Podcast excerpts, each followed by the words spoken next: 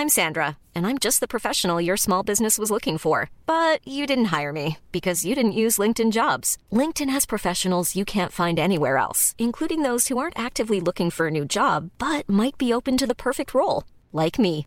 In a given month, over 70% of LinkedIn users don't visit other leading job sites. So if you're not looking on LinkedIn, you'll miss out on great candidates like Sandra. Start hiring professionals like a professional. Post your free job on linkedin.com/people today. When people are happy with risk and embrace risk, then by definition, uh, prices go high.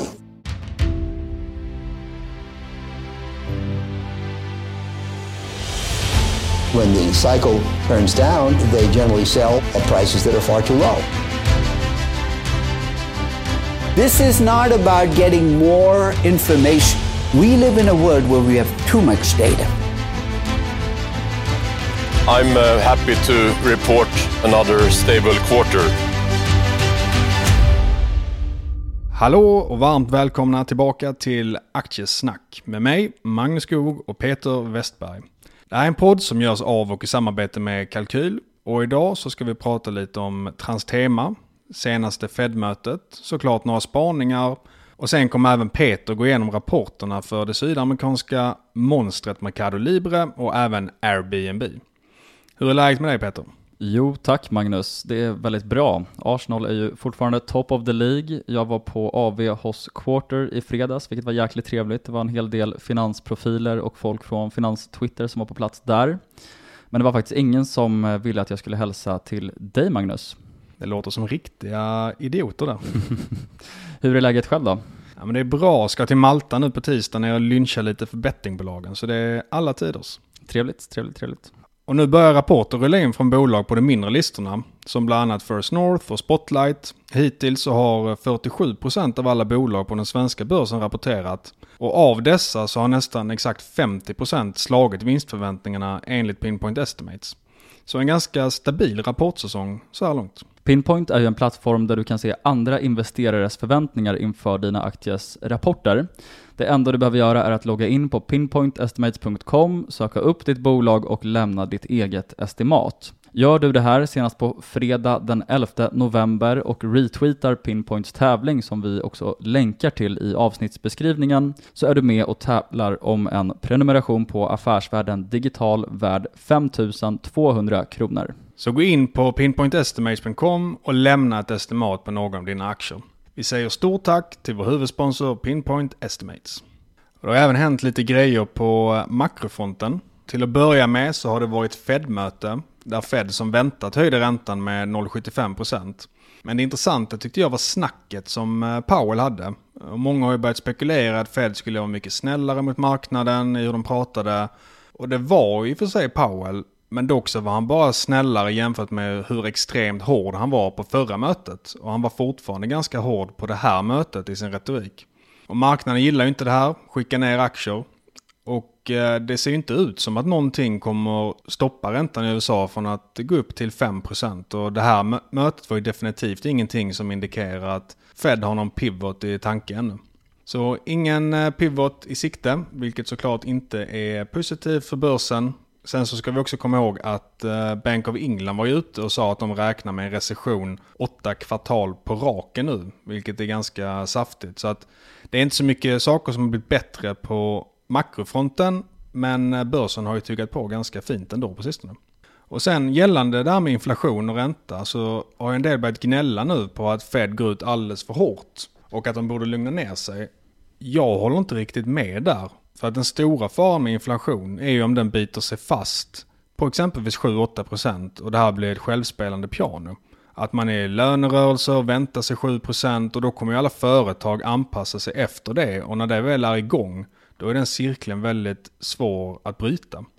Och dessutom så har vi vissa strukturella grejer som händer som talar för att det förmodligen kommer att bli lite mer inflation framöver. Som exempelvis att vi flyttar hem produktion ifrån låglöneländer. Vill du, vill du förklara rent praktiskt hur det går till då om bolagen adapterar sig till en högre inflation? Men det blir ju att de får ju högre kostnader i form av högre löner exempelvis. Då behöver de höja priset mot eh, sin kund.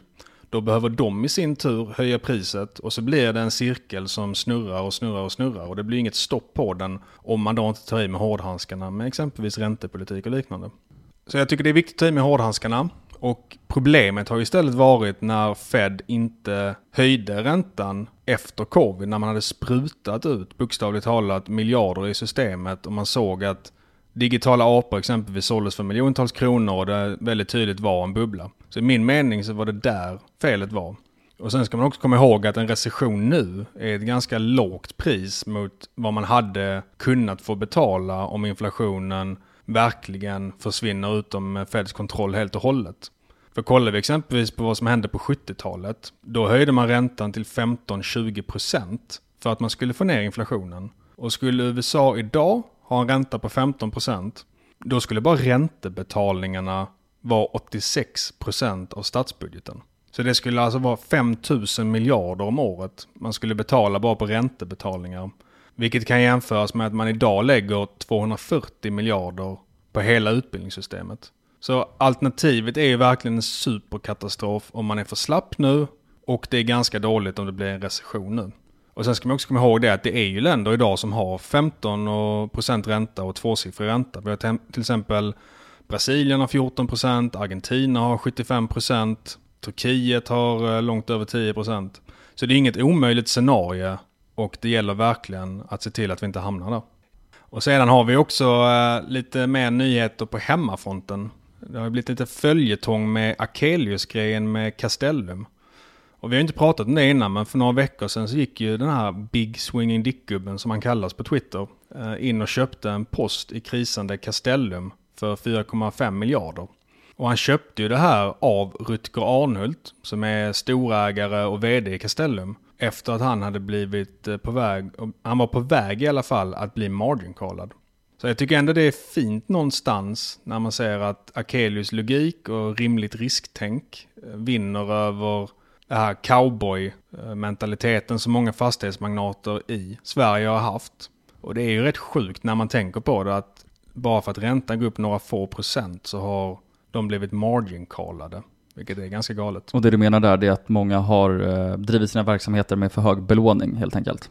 Ja, man har ju en galen belåning. De här, mm. både Ilja Battlan och Rutger Arnold har ju först fastighetsbolagen som är jättebelånade. Det är ju en del av deras verksamhet så det är inte jättekonstigt. Men sen har de själv egna investmentbolag som de har belånat för att kunna köpa aktier som då är jättebelånade i sin verksamhet.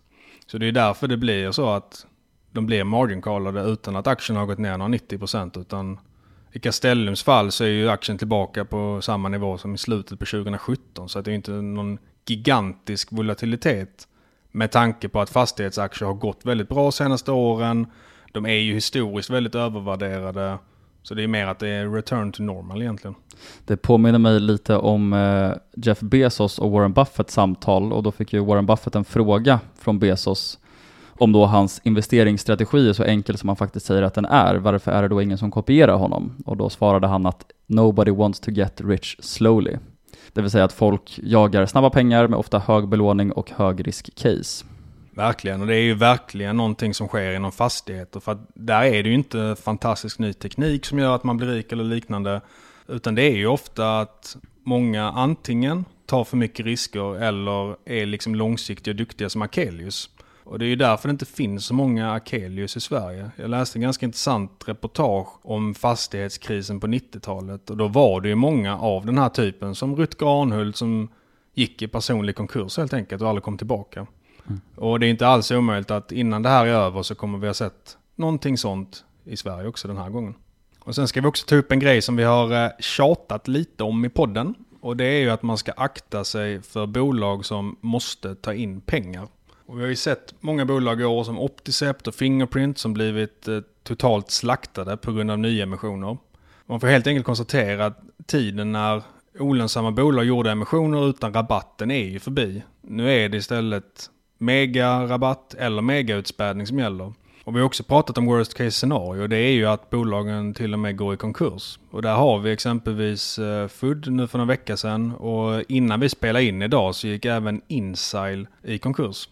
Och det är ju förmodligen så att många sitter nu med positioner som är ned kanske 90% och man tänker att ah, men det, det är inte värt att sälja nu, det har gått ner för mycket. Men det är ju bättre att rädda 10% än att förlora de sista också. Så att ta verkligen och, och kolla vad är det för typ av bolag. Ser ni liksom en klar väg till lönsamhet eller är det att man bara sitter och hoppas? Gör man det senare då, då ska man nog tänka om en gång till tror jag. Precis, och nu sa ju du att det antingen är megarabatt eller megautspädning och ofta i de här fallen så är det ju faktiskt båda två.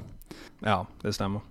Innan vi går in på rapporterna nu så får man väl eh, ta och prata om det som alla tänker på Peter. För det briserar ju nämligen en bomb i Finanssverige i helgen. Eh, skandalen är signerad finfluencern Nordnet-Axel, även känd som eh, copy-paste-Axel på Twitter. Samt riksprofilen Spara Ara, som mest nog är känd för att enligt ryktena ha skickat John Skogman till psykakuten efter att John råkade se en video av Aras hyllningslåt Spara med Ara. Så de två har ju skapat en ny börskanal som de döpte till Aktiesnack. Alltså vårt namn. Vad, vad tycker vi om det Peter? Alltså det är ganska liksom det, det, är inget unikt namn, det finns ju andra poddar som heter till exempel då Börssnack, men att ha exakt samma namn, det vet jag inte riktigt om jag tycker om faktiskt. Det, det var ju inte jättekreativt.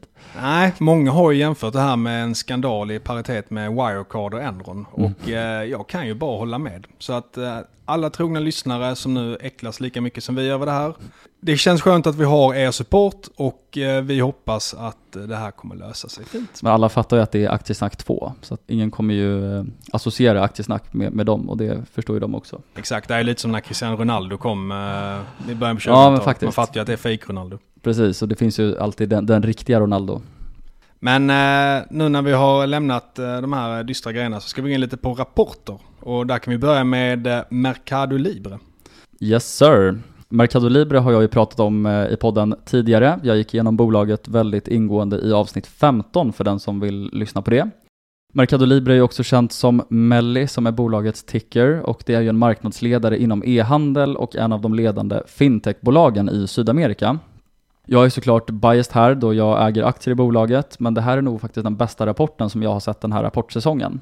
Och jag har ägt det här bolaget i snart tre år och anledningen till att jag har fastnat för caset är för att bolagets historik och eh, deras historiska tillväxt verkligen är one of a kind och att de har varit eh, kassaflödespositiva också med god marginal sedan 2007.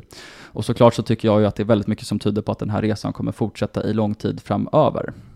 Jag tycker ofta att många lyfter tillväxt och marginal som de komponenterna som spelar roll för ett bolag när det kommer till att skapa aktieägarvärde.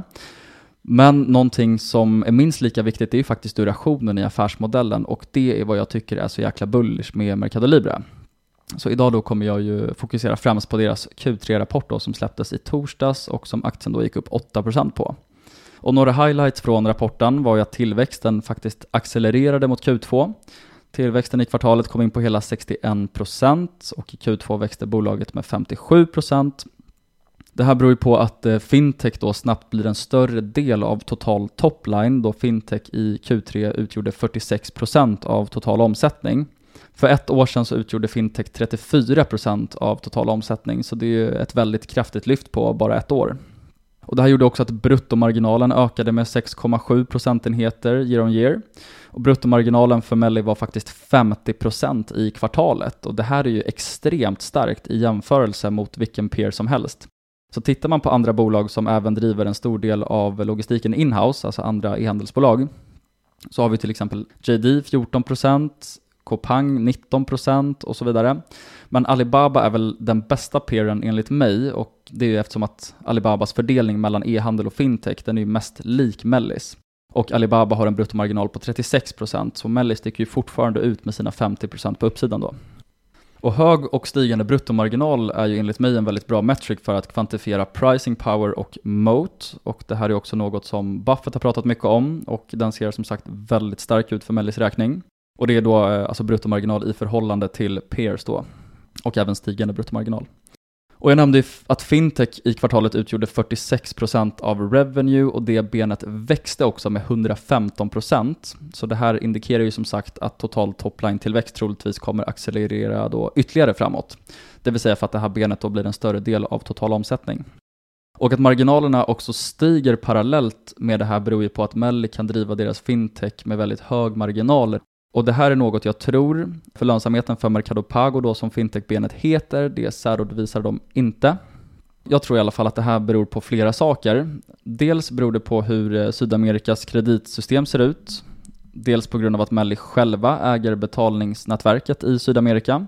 De har alltså ingen koppling till Visa eller Mastercard när det kommer till att processa betalningar, vilket varenda bank och fintechbolag har i både USA och Europa. Så Mercado Libre slipper alltså den här skatten inom situationstecken som, eh, som andra då behöver betala till Visa och Mastercard. Samtidigt också som det här ägarskapet av nätverket också medför konkurrensfördelar.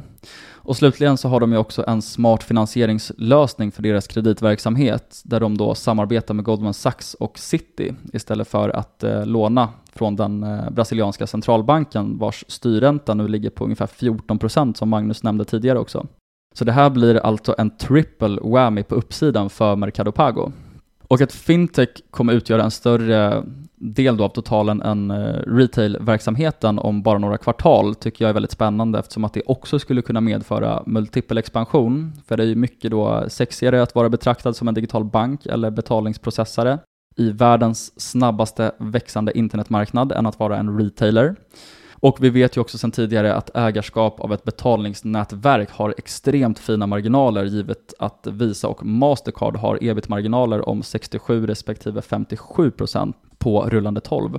Och här är det också viktigt att poängtera att över 70% av betalningsvolymen som Mercado Libre processar görs också utanför deras egna ekosystem. Så Mercado Libre är ju på god väg att bli någon typ av Visa eller Mastercard i Latinamerika. Och givet att tillväxten för fintech accelererade verkar det också som att skiftet till Mellis fintechprodukter har ökat i paritet med att makroläget har blivit mer ansträngt och att räntorna har stigit. Och Melli har ju då flera lösningar inom det här fintech-segmentet och det är då point of sale-system, det är kreditlösningar för både handlare och konsumenter, det är kreditkort, digitala plånböcker, investeringskonton och digitala betalningar via QR-kod. Där jag tror att Melli har vunnit mest mark nu under 2022, det är ju inom krediter. Enligt The World Bank så är den genomsnittliga utlåningsräntan i Brasilien 30% och det här måttet består ju av både bolån och konsumentkrediter. Och det här beror på att det i Brasilien är fem stora banker som har haft oligopol på marknaden under väldigt, väldigt lång tid.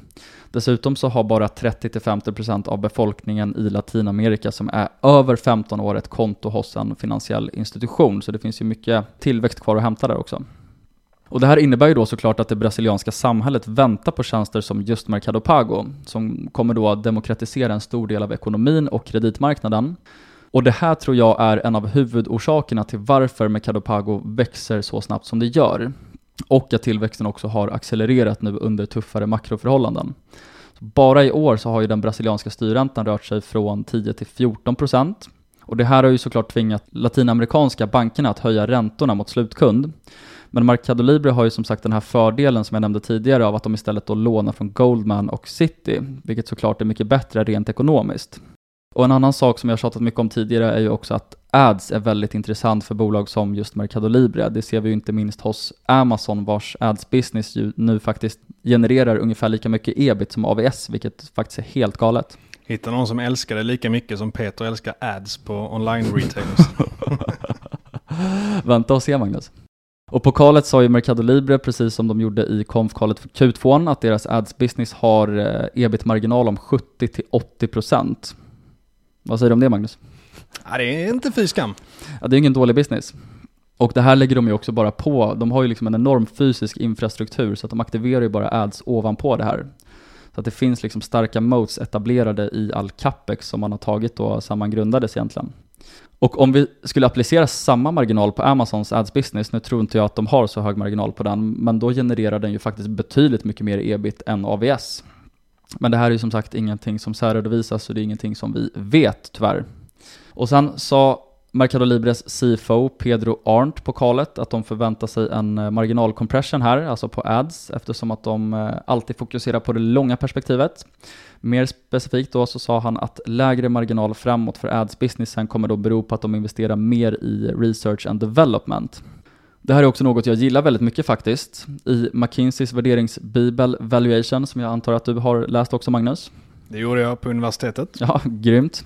Så i den boken så påvisar de ju med fakta att bolag som spenderar mycket på research and development tenderar att belönas aktiekursmässigt i det långa loppet.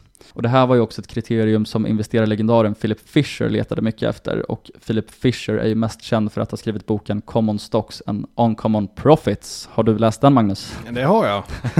jag har läst mycket böcker. Nej men det är faktiskt en bra bok. Den är ganska lättläst också, lite så uh, Lynch-style över det nästan mm. kan man säga. Lite med hur han skriver och hur enkel den är att ta till sig ändå. Håller med, och de är ändå lite lika i sina approacher också, vill jag påstå. Ja, Ja, men faktiskt. Sen är det ju lynchning och eh, scuttlebutt, det är inte helt samma sak. Men, men de touchar varandra tycker jag. Ja, nästan. Mm. Och en annan sak som jag fångade upp på kalet var att Mercado Libre nu har börjat eh, testa att monetarisera användningen av deras fulfillment centers, precis som JD.com har gjort så framgångsrikt i Kina. Och det här tror jag kommer bli enormt i framtiden, alltså logistics as a service. För den här affärsmodellen den är ju så otroligt beroende av stora finansiella muskler, så det är väldigt svårt för mindre retailers att bygga ett eget logistiknätverk och att även etablera ett fintech-nätverk för den delen. Det är helt enkelt lättare och bättre ekonomiskt att börja sälja en produkt och ansluta sig till till exempel då Mercado Libres ekosystem. Då får man ju både den digitala och den fysiska infrastrukturen serverad till sig. Och det här tror jag på sikt kommer leda till att i princip alla varor kommer fraktas via de här stora logistiknätverken Alltså just för att det då inte är ekonomiskt försvarbart för merparten av alla små och medelstora bolag att göra det inhouse. Och något som stärker min hypotes om att det är dit vi är på väg när det kommer till e-handel, det är att det normalt finns max två, tre tydliga ledare per region inom just då e-handel och logistik. Och det tror jag är som sagt för att det är så få som faktiskt klarar av att göra det här investeringsmässigt. Och sen så tror jag också att många underskattar hur tekniktungt det här faktiskt är. För det är ju också väldigt mycket techlösningar och mjukvara som inte ögat ser, som hela tiden då försöker optimera rutter och realtidsspårning av produkter. Förare kan till exempel bli rekommenderade nya rutter på grund av oväder och trafikolyckor och så vidare. Och JD.com har ju faktiskt startat en ads business av deras logistiknätverk, vilket jag tycker är jäkligt coolt. Så hos JD så kan ju bolag betala för att få sina varor placerade på bättre platser i deras lager för att på så vis kunna leverera snabbare till slutkund. Så tänk att JD då i realtid kan strukturera om produkterna i deras lager när då B2B-kunder betalar för det. Och det här görs ju också till stor del av eh, automatiska lösningar via robotar. Så det här är verkligen high tech. Men till något annat så tänkte jag prata lite om corporate communication som jag läste om i boken Investing between the lines som är skriven av Laura Rittenhouse. Och i boken så bryter hon ner kommunikation från bolag till aktieägarna och vad man ska leta efter och vad man ska akta sig för som investerare. Och om man kort ska sammanfatta bokens huvudbudskap så är det att man som investerare ska allokera kapital till bolagsledningar som kommunicerar med vissa begrepp då som då påvisar att de förstår vad bra kapitalallokering är och även då att deras främsta uppgift och incitament är att allokera kapital på smartast möjliga sätt i favör för aktieägarna. Har du några exempel på vad du letar efter i, till exempel då ett shareholder letter, Magnus? Jag tycker framförallt man kan använda shareholder letters till att kolla hur det har varit historiskt. Det kan vara en väldigt bra grej att kolla på att det de sa för fem år sedan, har det slagit in? Också få en bild lite av hur positiva de är i vd-ordet. För att är det så att de i 14 kvartal på raken har varit hyfsat neutrala eller kanske svagt negativa och sen så plötsligt så blir de väldigt positiva. Jag kommer ihåg att Note hade ett sånt skifte i vd-orden tycker jag under 2021 och sen gick det väldigt bra för verksamheten också. Så det är mer en förändring av kommunikation som jag tycker är väldigt intressant när man kollar på den biten. Det där är väldigt intressant tycker jag. Det vill säga att om det bara är genomgående håsningar i alla shareholder letters och, och det faktiskt inte har gått så bra för verksamheten, då vet du att den här kommunikationen faktiskt inte, troligtvis inte är sanningsenlig framåt. Om det då fortsätter vara HC tänker jag. Ja men exakt. Ja men det var väldigt bra input. Några exempel som då eh, Laura nämner i boken, det är att man ska leta efter ledningar då som till exempel nämner return on invested capital, on asset ratios, ROI, alltså return on investment, att de då pratar om free cash flow istället för earnings, per share metrics och då begrepp som till exempel då long term som management då gärna får använda hur mycket som helst. Och för att koppla tillbaka det här till Mercado Libre så gillar jag ju att deras management väldigt frekvent då nämner då long term view och long term commitment och så vidare. Och när vi är inne på ämnet så så kan jag också avslöja att jag har skrivit ner några frågor efter att jag läst den här boken då, som jag själv då ställer mig när jag läser ett vd-ord eller shareholder letter. Och det knyter an lite till det du sa Magnus, det vill säga att till exempel då är kapitalallokering någonting som lyfts och om det lyfts är resonemangen kring det rationella, är ord och handling sammanhängande, alltså precis som du sa. Och det här hänger lite samman med integritet och det är ju såklart någonting som är viktigt för allt som rör business och egentligen i livet i, i allmänhet skulle man kunna säga. Det är någonting som jag inte fattade riktigt när jag började med aktier och folk sa att integritet var så viktigt. Jag tänkte det viktiga är väl verksamheten, integritet är inte så jävla viktigt egentligen. Men eh, det gäller ju verkligen kunna lita på vad vdn säger. Och för mig så är det det, det som är det viktiga med integriteten. Att det de säger det är faktiskt sant och de försöker inte vrida och vända på sanningen för att gynna sin egna agenda. Och när du väl vet det, då är det mycket enklare att analysera bolag. Jag håller helt med. Och eh, det, det kan ju också manifesteras i till exempel finansiella mål. Alltså att om, om du tror på det eller inte, till exempel. Ja. Och den sista frågan då är ju eh, om kommunikation och handlingar då är konsekventa över tid. Och det var lite det du var inne på också tycker jag. Sen, sen vill jag tillägga att om svaret är ja på den frågan så behöver det faktiskt inte alltid vara positivt. För ibland är det ju naturligtvis mer rationellt och mer korrekt att satsa på ett nytt affärsområde till exempel. Men om man då byter målsättningar och inriktningar för ofta så ser jag i alla fall det oftast som ett orosmoln. För det tycker jag att det indikerar att management faktiskt inte riktigt vet vad de håller på med och att den långsiktiga visionen är lite svajande. Har du några exempel på bra aktieägarbrev förresten som du har läst och vill lyfta? Nej, inte sådär som man kan lära sig av på rak arm. Det är väl i så fall uh, Buffett uh, aktieägarbrev är väldigt bra. Mm. Men uh, alltså, ha koll på dem. De är ändå väldigt viktiga och relativt kortfattade ändå tycker jag. Alltså de absolut bästa som jag har läst, det är ju Jeff Bezos och eh, Buffett. Alltså deras aktieägarbrev. Och Bezos aktieägarbrev blev jag ju faktiskt så förälskad i så att jag har eh, gjort en egen pärm med alla brev där jag såklart också har gått igenom dem väldigt flitigt med överstrykningspenna. Och det tycker jag ju är, att läsa dem, det är ju bättre än att typ läsa en bachelor i, i business, tycker jag. Och en annan sak som egentligen inte handlar om corporate communication och som jag tror är bra att leta efter som investerare, det är ju ledningar med mycket insiderägande och även då låg lön. Och det här har vi ju lyft i podden eh, nästan i varje avsnitt tror jag. Men det säger ju väldigt mycket om ledningens incitament. Och det här är också ett genomgående svar vi har fått av våra intervjuobjekt kan vi också tillägga. Det vill säga att insiderägande och ledningars incitament är bland de viktigaste KPI-erna för investerare. Hur som helst då, tillbaka till Mercado Libre. Tittar man på det breda perspektivet här, för att få någon känsla för Mercado Libres size och deras eh, growth runway, så omsatte ju Melli 2% av Amazons topline i Q3.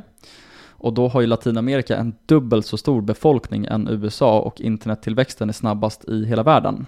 Nu har ju Amazon såklart mycket mer internationell försäljning, de har AVS och så vidare, men jag tycker fortfarande att det här säger ganska mycket. För att sammanfatta hur jag ser på Melli just nu och på Q3-rapporten så tycker jag att det är helt sjukt att Melli inte ens har skrapat på ytan för ads och de har 92% logistic network penetration, det vill säga de driver nästan all trafik inhouse, alltså via logistik då. Och ändå klarar de av att hålla gross margin på 50% och ebit på 11% samtidigt som topline stiger med 61% mot tuffa komps och med ett väldigt ansträngt makroläge.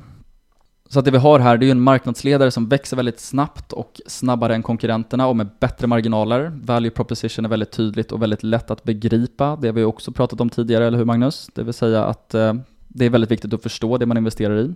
Definitivt. Det finns också enligt mig en tydlig reinvestment moat som John Huber kallar det, det vill säga då en lång duration i affärsmodellen och att konkurrensfördelarna också blir starkare när bolaget blir större. Och mer specifikt så innebär det här economies of scale, och nätverkseffekter. Och bolaget har ju som sagt också varit eh, kassaflödespositiva sedan 2007 och börjar också närma sig någon typ av oligopolställning i Latinamerika, vilket jag också gillar. Competition is for losers, eller vad säger du Magnus? Så är det definitivt. och sen måste jag också säga att insiderhandeln ser också väldigt trevlig ut nu under det senaste året. Trots att då 8% av bolaget redan ägs av insiders så har det gjorts 11 köp och 2 sälj under det senaste året och netto har det köpts aktier för 10 miljoner SEK ungefär. Och sen så har vi också att den genomsnittliga tiden för hur länge top management har varit med i bolaget är ju faktiskt 19 år, vilket jag också älskar, för det här betyder ju då att de är väldigt långsiktiga i deras commitment. Det är också en grej som visar, eller som gör det lättare att analysera bolaget egentligen, för att skulle det vara så att de har gått bra under 19 års tid, men det är en helt ny ledning idag från vad det var förra året. Då kan man inte riktigt lika mycket kolla på historien. Men i det här fallet kan man ju verkligen göra det då. Precis så, och, och liksom hög personalomsättning bland eh, top management tycker jag också är, det, det, alltså det förändrar ju verkligen ett bolag, så då tycker jag verkligen att man bör titta på det med ganska kritiska ögon om det skulle vara så.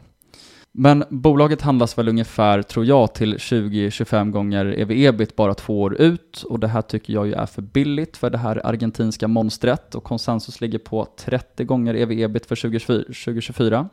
Så jag är mer optimistisk än analytikerna och kanske även mer optimistisk än analytikern 1234.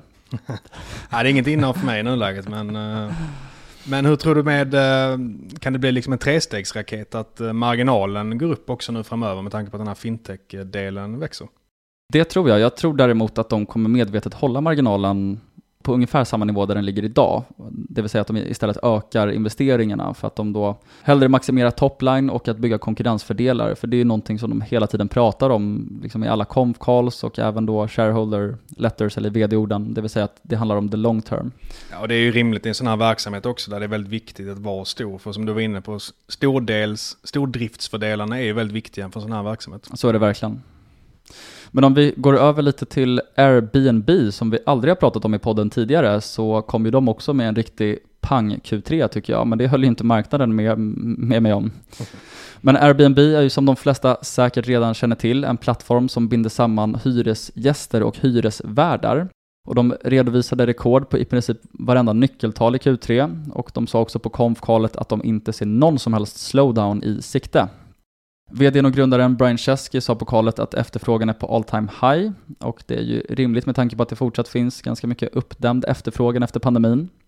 Omsättningen steg med 29% year on year och free cash flow steg med 81% year on year. Och Airbnb har faktiskt en eh, free cash flow marginal på rullande 12 då på 41% vilket säger ganska mycket om deras eh, konkurrensfördelar. Det är väldigt bra när man växer så snabbt. Det är väldigt, väldigt bra. Och de har ju ett ganska unikt sätt också att generera organisk trafik och organisk tillväxt. På kalet sa de att 35% av alla nya värdar först har varit gäster på Airbnb och att eh, de konverteras till värdar utan någon som helst då förankrad kostnad. Och på samma tema, alltså organisk trafik och tillväxt, så genererar Airbnb 90% av all trafik helt organiskt utan någon som helst marknadsföring då förankrad. Och det här är såklart en stor anledning till den skyhöga free cashflow-marginalen då på 41%.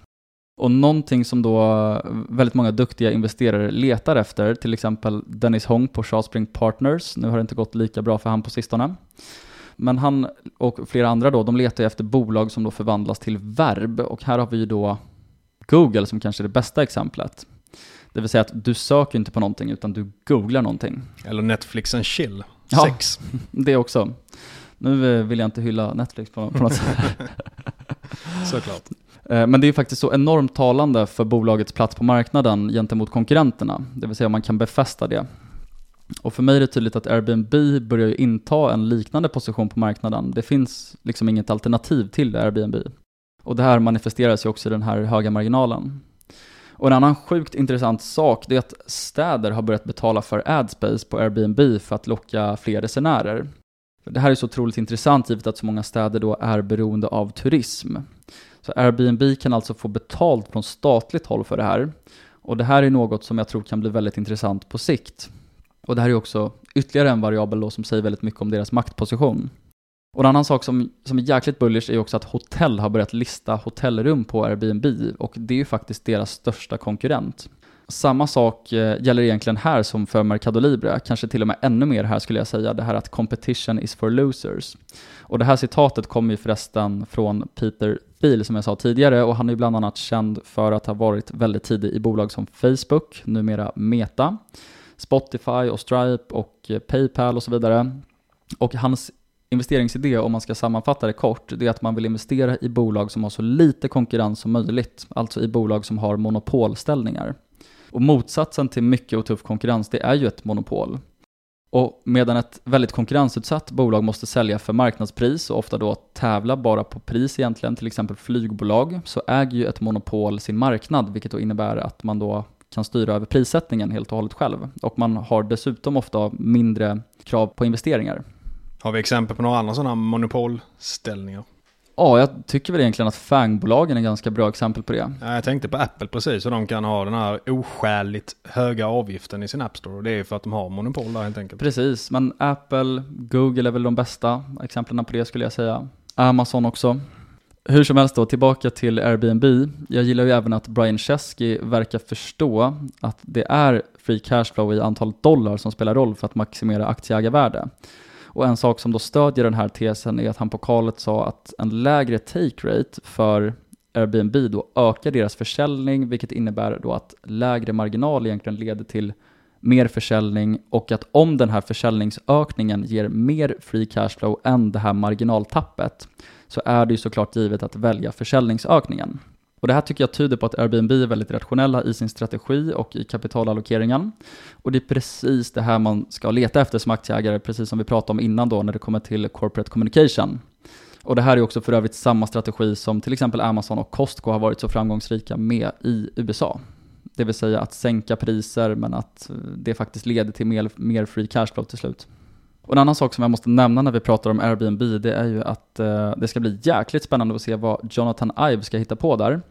För de som inte känner till det så var ju Jonathan Ive chefsdesigner på Apple mellan 97 och 2019, alltså i 22 år. Så det här är alltså mannen bakom de mest populära konsumentprodukterna genom tiderna, det vill säga iPhone, Macbook, iPad, AirPods. Och Jonathan Ive anslöt faktiskt till Airbnb 2020 och då kommunicerade Airbnb att han skulle fokusera på nästa generations Airbnb. Jag gissar väl att det här är något långsiktigt projekt han håller på med, men sen dess så har vi faktiskt inte hört så mycket om honom, så det ska bli väldigt spännande att se vad han lämnar för arv på Airbnb helt enkelt. Och för att avrunda så, så kan vi också kort nämna lite om värderingen. Bolaget handlas idag till 20 gånger EV mot free cashflow och 13 gånger EV free cashflow bara två år ut. Och det här tycker faktiskt jag är, är väldigt billigt för det här bolaget som då är på väg att bli ett globalt monopol med betoning på globalt. Och de har ju också en väldigt förutsägbar topline-tillväxt om vi exkluderar pandemin från historiken. Och återigen så tycker jag att det är väldigt lätt att förstå affärsmodellen och konkurrensfördelarna som i mångt och mycket handlar om nätverkseffekter och brand. Och sen så har vi också en skyhög marginal som sagt och egentligen ingen konkurrent som är värd att nämna. Och slutligen så har vi också såklart både skin in the game och soul in the game då VDn Brian Chesky också är grundare för bolaget och han äger ungefär 11% av bolaget. Så för min del så checkar Airbnb egentligen alla boxar skulle jag säga, så att det här, eh, det här skulle kunna bli ett bolag som jag köper, men jag äger inga aktier idag. Jag tänkte att jag ska göra lite mer grävjobb här. Blir du eh, köpsugen? Jag sitter, ser att du darrar lite i köpfingret. är det så? Skakar. Nej men eh, det är lite mer aptitliga värderingar på det här ändå. Jag är lite, har lite höjdskräck för höga multiplar men den här är ju lite mer aptitligt och du är inne på många positiva saker med det med det här med att man har lite monopolställning nästan, man har väldigt fin kassakonvertering och så vidare. Så att eh, det, det kommer ändå vara värt att följa framöver. Men du har ju home bias Magnus, så kanske inte är rätt case för dig. Jag vill inte att eh, Nordnet ska få de här jävla valutaväxlingsavgifterna. Så att det är där det ligger mest. Ja, men eh, över till dig då. Har vi några andra spännande rapporter? Ja, men jag har lite så här småspaningar först. Till exempel Linas matkasse som rapporterade förra veckan. Och det här var ändå ett bolag som det var en del surran om på finanstwitter för knappt ett år sedan. Och då var ju tesen att kunde de upprätthålla vinsten så är det väldigt billigt. Men nu har det faktiskt gått skit för bolaget. Och man minskade omsättningen i Q3 med 20% och gjorde förlust på över 20 miljoner kronor jämfört med market cap som är 76 miljoner kronor. Och jag tycker det här kan vara värt att lyfta upp eh, som en värdefälla helt enkelt. För en värdefälla är ju när ett bolag har väldigt låga multiplar som jag ofta gillar. Men där det är en fälla där helt enkelt vinsten kommer att minska framöver. Så att det var inget bra case även om multipeln var låg. Också känt som value trap. Exakt. Och det är ju ganska svårt att, att hitta det på förhand. Men jag tycker ändå att någonting som man ska tänka på och leta efter för att hitta när det är en value trap. Det är ju att man har haft en väldigt onaturlig uppgång de senaste åren. Och det hade ju Linas matkasse. För det var ju det, när man inte kunde gå ut och köpa mat, folk var instängda, då beställde man ju mycket mer online-mat. Så att det var ju en väldigt onaturlig uppgång i vinsten för Linas matkasse. Dessutom så har man haft en väldigt kort historik. Man noterades, jag tror det var 2020 på börsen. Så att man har ingen historik att kolla på heller riktigt hur det har sett ut på lång sikt. Och framförallt inte sen konkurrensen ökade väldigt ordentligt med att exempelvis HelloFresh gick in. Så jag tycker att det är någonting som är värt att analysera. Liksom är vinsterna hållbara? Och det beror det mycket på. Är det någon sorts uppsving som är onaturlig just nu? Har det ändrats någonting med exempelvis konkurrenslandskapet? Och sen också, hur har den långsiktiga historiken sett ut? Och det är kanske den allra viktigaste. Tar vi exempelvis ett Atlas Copco så har ju de i decennier gjort vinst. Och då vet man ju att om de nu skulle göra något år som är lite sämre, kanske till och med minusresultat, det är ju nästan en garanti att de kommer bouncea tillbaka. Så att eh, det är ändå några grejer som jag tycker är värda att kolla på när man kollar på lite de här lågmultipelbolagen och saker man ska komma ihåg för att akta sig från att gå i en värdefälla. Och på tal om corporate communication, vad har management kommunicerat här i Linas matkasse då? Jag har faktiskt rätt dålig koll på det. Men jag tyckte ändå det var intressant att lyfta upp som ett liksom, case för en, en värdefälla. Ja. Och sen uh, har det också kommit lite nyheter med Embracer och Stillfront. Och jag kan väl sammanfatta där med att Embracer gjorde ett förvärv för ett halvår sedan av tre studier för sammanlagt 3 miljarder kronor. Nu lägger man bara ett halvår efter det här förvärvet ned en studie och sparkar en del av personalen. Och Embracers Pare Stillfront har nästan en liknande situation där man eh, värderade en studio i Bangladesh förra året som myndigheter nu ser ut att vilja stänga ner. Det här tycker jag går lite hand i handske med hur andra förvärvsbolag som har skjutit brett och vilt under 2021 har presterat. För det är ganska sjukt att det är inte bara multiplarna som har kommit ner. Nästan alla de här bolagen har presterat väldigt dåligt fundamentalt också. Kollar vi på Biku, Embracer, Stillfront, Swedencare och den gemensamma nämnaren där är ju att de här bolagen har förmodligen inte riktigt haft superkoll på vad de köpt. För att förvärvsbolag kan ju vara något väldigt fint. Du kan ha synergier, skalfördelar, du kan köpa till lägre multiplar onoterat. Men när man bara börjar skjuta hej vilt och du liksom köper för långt, långt mycket mer än vad omsättningen är under ett år. Då kan man börja ifrågasätta sig, har verkligen bolagen koll på det här? Eller har de egentligen ballat ur med hur de beter sig och förmodligen köpt saker som kanske kommer kunna gå dåligt närmaste åren? Och sen har vi även haft rapport på eh, ett bolag som vi pratat lite om tidigare, Transtema. Och som också ligger i poddportföljen som finns att följa på Finfollow just nu. Exakt, ett av få bolag som har fått den äran. Och, och det är ju för att jag äger den här, den här aktien själv och jag tycker att det ser väldigt bra ut för Transtema. Och när vi pratade om det lite innan då gick vi igenom vad de gjorde. Men jag kan upprepa att man bygger ju och underhåller och driftar olika typer av kommunikationsnät. Och jag vet att vissa bolag vill jämföra de här med Hexatronic för man håller på mycket med internet och liknande. Men jag tycker snarare man ska kolla på det här bolaget som ett eh, eltel eller liknande. De har mer säljer arbetstimmar än produkter. Så att det är lite för skön att säga att de är lika Hexatronic. Men i alla fall, man hade en väldigt bra Q3-rapport i min mening i alla fall. Man växte 60% varav nästan 15% var organiskt. Ebita växte med nästan 50% och eh, både omsättning och resultat slog ju Pinpoint-estimaten kraftigt och även Redeyes estimat som följer bolaget.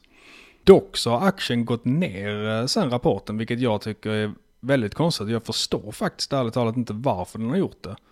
Ligger du på köpsidan då? Ja, jag köpte mer efter rapporten när den gick ner då. Så och, att, och i eh, poddportföljen? exakt. ja, det känns bra att du har tagit över en del av min förvaltning nu. Du har ju presterat mycket bättre än mig på senaste tiden.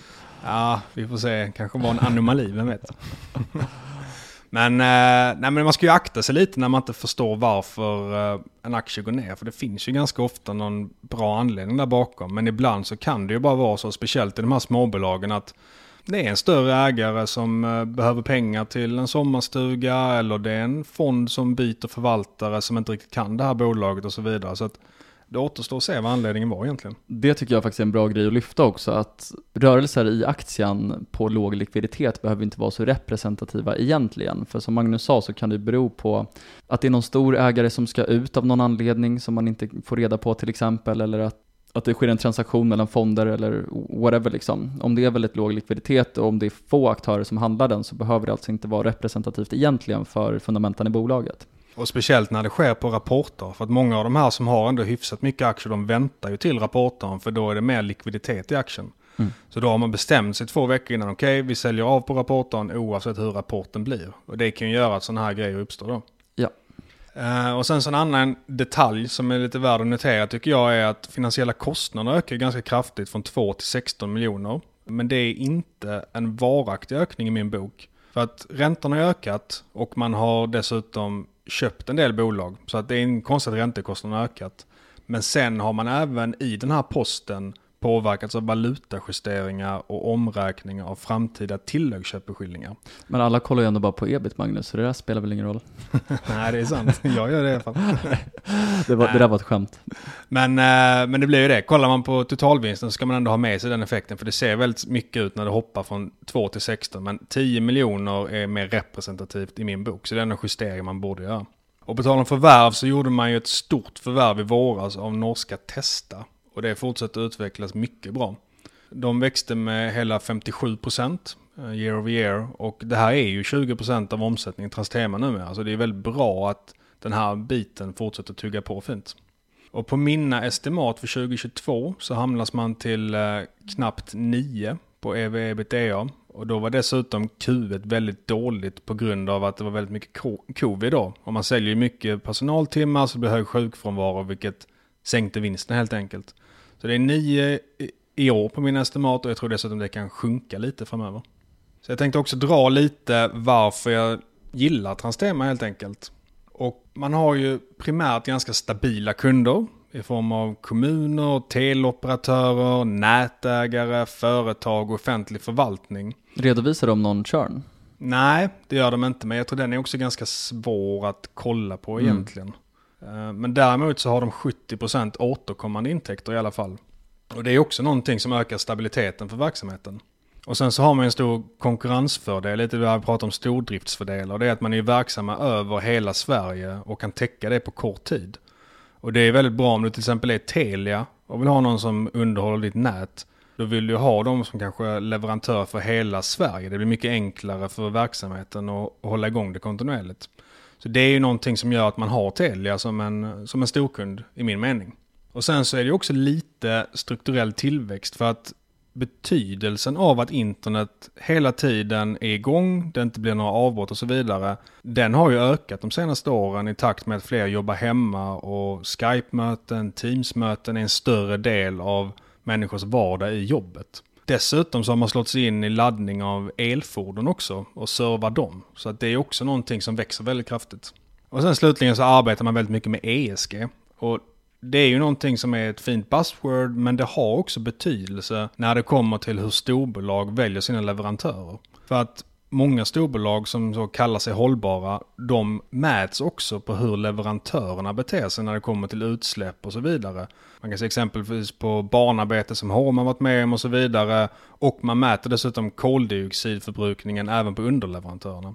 Så att ett, exempelvis ett bolag som Telia, de vill ju ha ett bolag som har en väldigt bra ESG-profil och mitt intryck av att kolla på det här det är att Transtema är ganska mycket någonting som sticker ut i branschen och jobbar väldigt mycket med den här frågan. Sen så ska jag också lyfta lite negativa sidor och det finns en gammal kund till Transtema som har ett krav på att bolaget ska betala 149 miljoner kronor. Och det här ska avgöras i skiljedomstol under mars och september 2023. Too hard pile, låter det som. Ja, men man ska komma ihåg det att Transtema har samtidigt ett motkrav på att de ska betala 21 miljoner till Transtema. Och sen så det här bolaget hade, det här caset var egentligen uppe i skiljedomstol tidigare i år. Och då blev det en riktig slam dunk för Transtema. Då hade man krav att Transtema skulle betala 119 miljoner. Transtema betalade 0 miljoner. Och att kunden skulle betala 9 miljoner och de fick betala 7,5 till Transtema. Och den här twisten ser liknande ut. Exakt, så att det bådar ju ganska gott. Om det skulle bli så att det blir ett negativt utfall så är det inte hela världen. Transtema är så pass stort bolag. Så pass låg värdering som du sa. Ja, exakt. Så man känner igen det här på ganska kort tid egentligen. Och dessutom så har det här att göra med det gamla Transtema. Och det är någonting vi har pratat om tidigare, att man har gjort en ganska omvälvande transformering av bolaget. Och det här är då från det gamla delen 2017 till 2018. Och jag tror att det kanske kan vara lite det som ligger bakom den låga värderingen också. Att folk associerar det här med det gamla Transtema som hade en ganska misslyckad utbyggnad av eh, nät Medan man nu mer jobbar med service och underhållade och driftade. Så att det är en stabilare verksamhet nu, man borde inte vara lika konjunkturkänslig. Låter lite som eh, lite Greenblatt-style här, lite special situation. Ja men eh, lite kan man väl kalla den då. Det är alltid mm. bra att hitta någon anledning som gör att man tror att marknaden missvärderar Exakt. Det är lite som vi varit inne på spin-offs tidigare, då bara skickar man ut aktien för att man mm. inte riktigt vill ha den här nya spin-offen. Och det här är nog också en anledning till varför det här bolaget kan vara billigt. Precis, det var det jag menade. Att liksom bolaget har transformerats till något nytt, men att det fortfarande kan vara folk som betraktar det som det gamla. Ja. Lite likt en spin-off. Och sen så en annan eh, den andra negativa aspekten som jag hittar med bolaget är att man är ganska stort beroende av Telia. De står för över 50% av intäkterna. Sen så ska man ju dock komma ihåg att de verkar ju väldigt nöjda med det. De har de här konkurrensfördelarna och har ett väldigt integrerat samarbete. Så det skulle vara väldigt jobbigt för Telia att byta. Men det är ju ändå en risk när man har en kund som är väldigt stor. Där skulle jag göra en hel del scuttlebutt om 50% av intäkterna var från en kund. Ja, sen ska man komma ihåg det att den stora faran kanske egentligen är då om det skulle gå väldigt dåligt för den kunden. Men det finns ju få bolag som är mer stabila än Telia. Man kommer ju alltid använda nätet och alltid behöva internet. Så att det ska ju mm. väldigt, väldigt mycket till om Telia exempelvis inte skulle kunna betala Transtema eller liknande. Kan man också få lite hum om eh, Transtemas prestation om till exempel då Telia rapporterar tidigare? Exakt, mm. det är någonting som är bra att kolla på. Men sammantaget så tycker jag att man har ett ganska konjunkturokänsligt case till en väldigt låg multipel och en fin tillväxt. Så att, och som vi var inne på tidigare så tror jag att det finns ganska bra anledning till att det är en låg värdering. Så att jag förstår inte nedgången i aktien, jag har köpt mer och jag tycker att det ser positivt ut. Snyggt, snyggt Magnus. Det känns, känns ändå tryggt med att den här ligger i poddportföljen. Ja, det känns bra det. Mm. Och innan vi rundar av så glöm inte Pinpoints tävling på Twitter där du kan vinna en prenumeration på Affärsvärlden Digital värd 5200 kronor om du retweetar tävlingen och lämnar ett estimat på pinpointestimates.com senast den 11 november. Så tack till vår huvudsponsor Pinpoint Estimates. Och för att eh, summera avsnittet så inget i den här podden ska ses som rådgivning eller rekommendationer. Vi ba berättar bara om vår egen process och glöm inte att investeringar i värdepapper alltid är förknippade med, vadå Peter? Risk. Makroläget fortfarande ganska tufft, men eh, börsen bryr sig inte jättemycket. Sen har vi gått igenom två spännande case, Mercado Libre och Airbnb, där Peter gjorde bra pitchar. Och jag tycker att det ser ju fint ut för de bolagen definitivt. Stort tack. Vi har även kollat på Transtema som är ett case i min portfölj som jag tycker ser väldigt intressant ut. Köpte mer efter rapporten och slutligen så ska vi inte glömma bort det att de här förvärvsbolagen, de hade en ganska ohållbar modell. Det visar sig nu och man ska nog akta sig för bolag som fortsätter med det här och skjuter lite he hejvilt som cowboys helt enkelt. Bra summering Magnus. Suveränt. Och med det så tackar vi för det här avsnittet. Hörs igen nästa Stort vecka. tack för att ni har lyssnat allihopa. Vi hörs igen nästa vecka. Ciao ciao! Ciao!